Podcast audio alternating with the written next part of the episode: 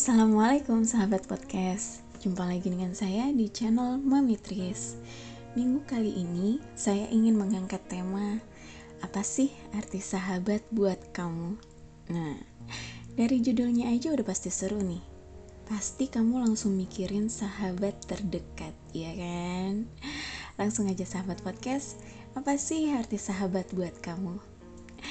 Sahabat buat saya itu lebih dari teman biasa Dekatnya sudah mendekati saudara, dan sahabat kamu bisa bikin kamu ketawa tanpa harus jaim. Dengan sahabat, kamu bisa dengan otomatis menceritakan kegelisahan kamu, keresahan kamu, sedih kamu, bahagia kamu, dan berbagi masalah-masalah yang sedang kamu hadapin. Ya nggak? Benar nggak? Atau cuma saya aja yang kayak gini? Saya yakin banyak di antara kalian yang punya sahabat kayak gini.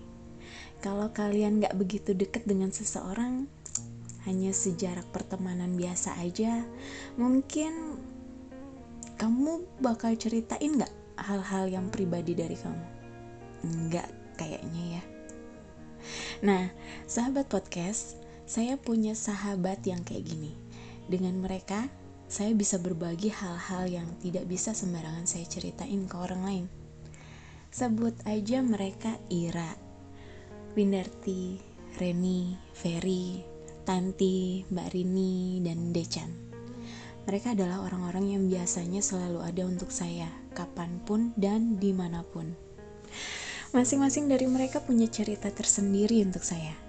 Sebenarnya selain mereka ada beberapa orang lagi, tapi untuk yang terdekat ya mereka ini. Ira, Windarti, Reni, dan Ferry contohnya, mereka adalah sahabat saya sejak masih berseragam abu-abu. Ya, kata orang saat SMA, itu adalah yang paling indah. Dan itu benar buat saya.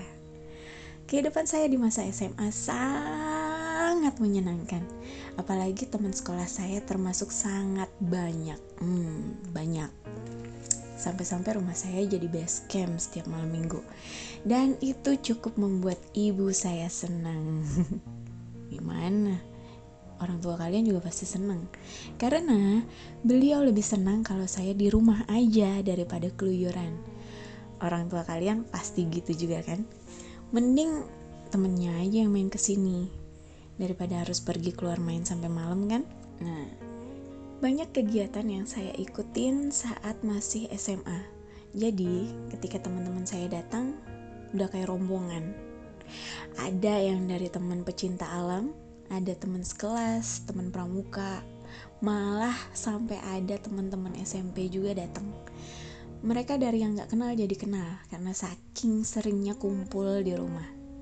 Nah, dan yang lucunya, mereka datang bukan untuk saya ya, sahabat podcast.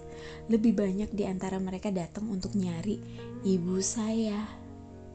Begitu datang, Setre, ibu nenangan de, anak ora.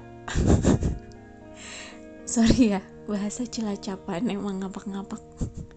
mereka datang nyariin ibu saya. Yang ditanya, hari ini tante masak apa?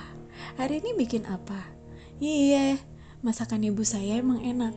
Sampai-sampai bikin kumbang-kumbang ini pada datang eh anaknya sendiri aja urung madang pada pada kencote. Ngerti kan ya? Beberapa dari mereka bahkan curhat sama ibu saya. Apa aja dicurhatin? Masalah sekolah masalah antar temen sampai pacar. Kadang saya mikir ini temennya ibu atau saya tapi Ira, Reni, Winarti, dan Ferry adalah yang paling dekat dengan saya. Di antara semuanya waktu itu, ya kita selalu berlima. Ada sih satu lagi, tapi sejalannya waktu tereliminasi. Ke mana pun kami pergi, main atau sekedar cuma nongkrong di rumah salah satu dari kami sampai orang tua kami masing-masing udah tahu kalau lagi main nih paling lagi sama si ini. Paling lagi di rumah si ini. Gitu. Jadi nggak susah nyariinnya. Bahkan Ferry yang catet cowok sendiri di lingkar pertemanan kami termasuk paling dekat dengan ibu saya. Bahkan ketika masa kuliah dulu yang berada di Jakarta itu saya dan Ferry.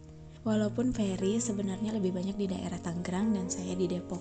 Karena masing-masing kan kuliahnya di tempat yang beda ya. Karena saat itu Ira dan Reni juga sempat kuliah di Semarang, lalu Ira pindah ke Bandung, gitu juga dengan Windarti yang kuliah di kota yang beda. Jadi kita berlima itu mencar, udah beda tempat, beda lokasi. Dan tiba saatnya ketika penyakit ibu saya sudah semakin memburuk. Beliau sudah mulai sakit sejak 2002 dan di tahun 2006 bulan Agustus ibu saya sudah dirawat selama dua bulan terakhir dengan kondisi yang naik turun. Dan kemudian kesadaran ibu saya mulai menurun. Di hari kelima, ibu saya masih dalam kondisi koma. Sahabat yang selalu menemani saya melewatinya adalah Ferry. Bahkan ketika ibu saya berpulang, Ferry juga yang ada di sana. Baik Ira, Reni, Windarti sebenarnya juga ingin datang, tapi kondisi pada saat itu tidak memungkinkan. Begitu kami ketemu lagi di Cilacap, saya tahu mereka juga sangat kehilangan ibu saya.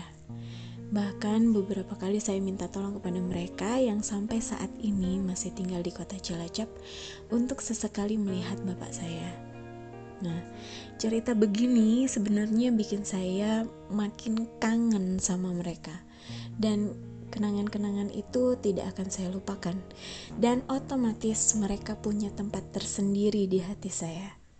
Kemudian ada Mbak Rini.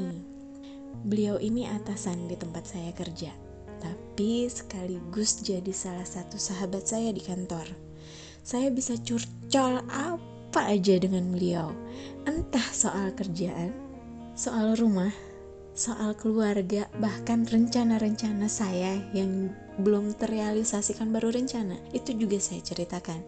Dan beliau sering memberikan solusi yang terkadang nggak kepikiran sama sekali oleh saya.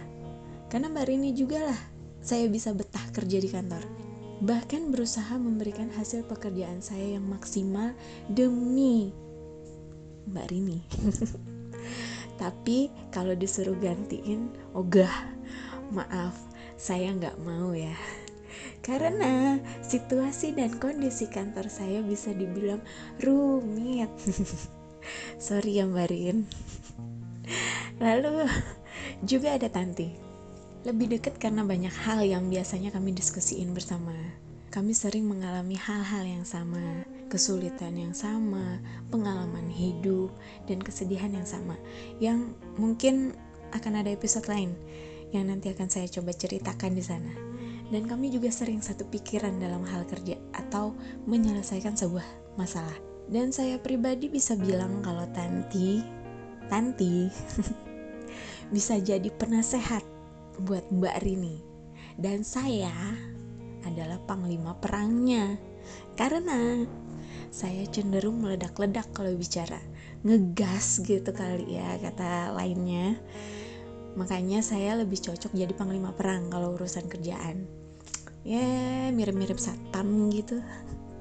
Nah, untuk Decan, saya selalu menganggap dia ini bontot di antara para senior kantor saya. Karena ada masa ketika dia baru bergabung di kantor saya, Decan ini memang jadi yang paling bontot. Umur, paling muda sendiri. Pembawaannya yang tenang, kalem, bisa agak meredam sifat saya yang meledak-ledak, pemarah. Jadi kalau biasanya nada bicara saya keras, kalau bicara dengan Decan ini saya ke bawah arus. Jadi ikutan kalem. Bisa gitu ya? Dan saya punya hobi yang sama dengan Decan. Suka binatang. Dan kami tahu gimana rasanya kehilangan hewan kesayangan. Bahkan Decan nih pernah nangis waktu salah satu ikan kesayangannya mati.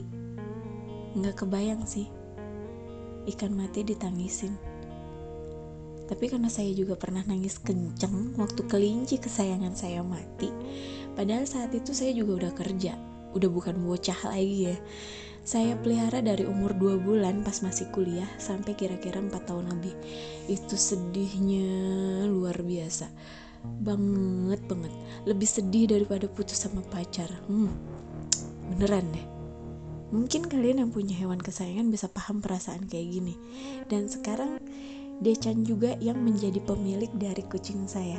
Perlu dicatat, saya nggak sembarangan ngasih kucing peliharaan saya ke sembarang orang. Kalau bukan orang yang deket banget, ya. Itulah sebagian cerita seputar sahabat-sahabat saya. Mereka tidak hanya ada di saat saya senang, tapi mereka juga ada di saat saya sedang kesulitan, sedih, dan tempat berbagi apa aja. Dan sahabat yang baik selalu mengingatkan ketika salah, menegur ketika kita keluar dari jalur yang benar, memberikan support dan tidak hanya mengiyakan dan membenarkan setiap keadaan. Sahabat tidak akan menjerumuskan kita ya, sahabat podcast. Ada kalanya kita berselisih paham, ada kalanya kita bertengkar. Tapi sahabat yang baik akan memaafkan dan memberi maaf ketika kita menyimpang. Jadi, apa arti sahabat untuk kamu? Nah, kita akan jumpa lagi di podcast Mami Tri selanjutnya. Jaga kesehatan kalian, jiwa dan raga kita tetap sehat. Jaga jarak aman dan rajin mencuci tangan. Semoga kalian dan saya selalu sehat, bahagia, dan saya undur diri dulu. Wassalamualaikum warahmatullahi wabarakatuh.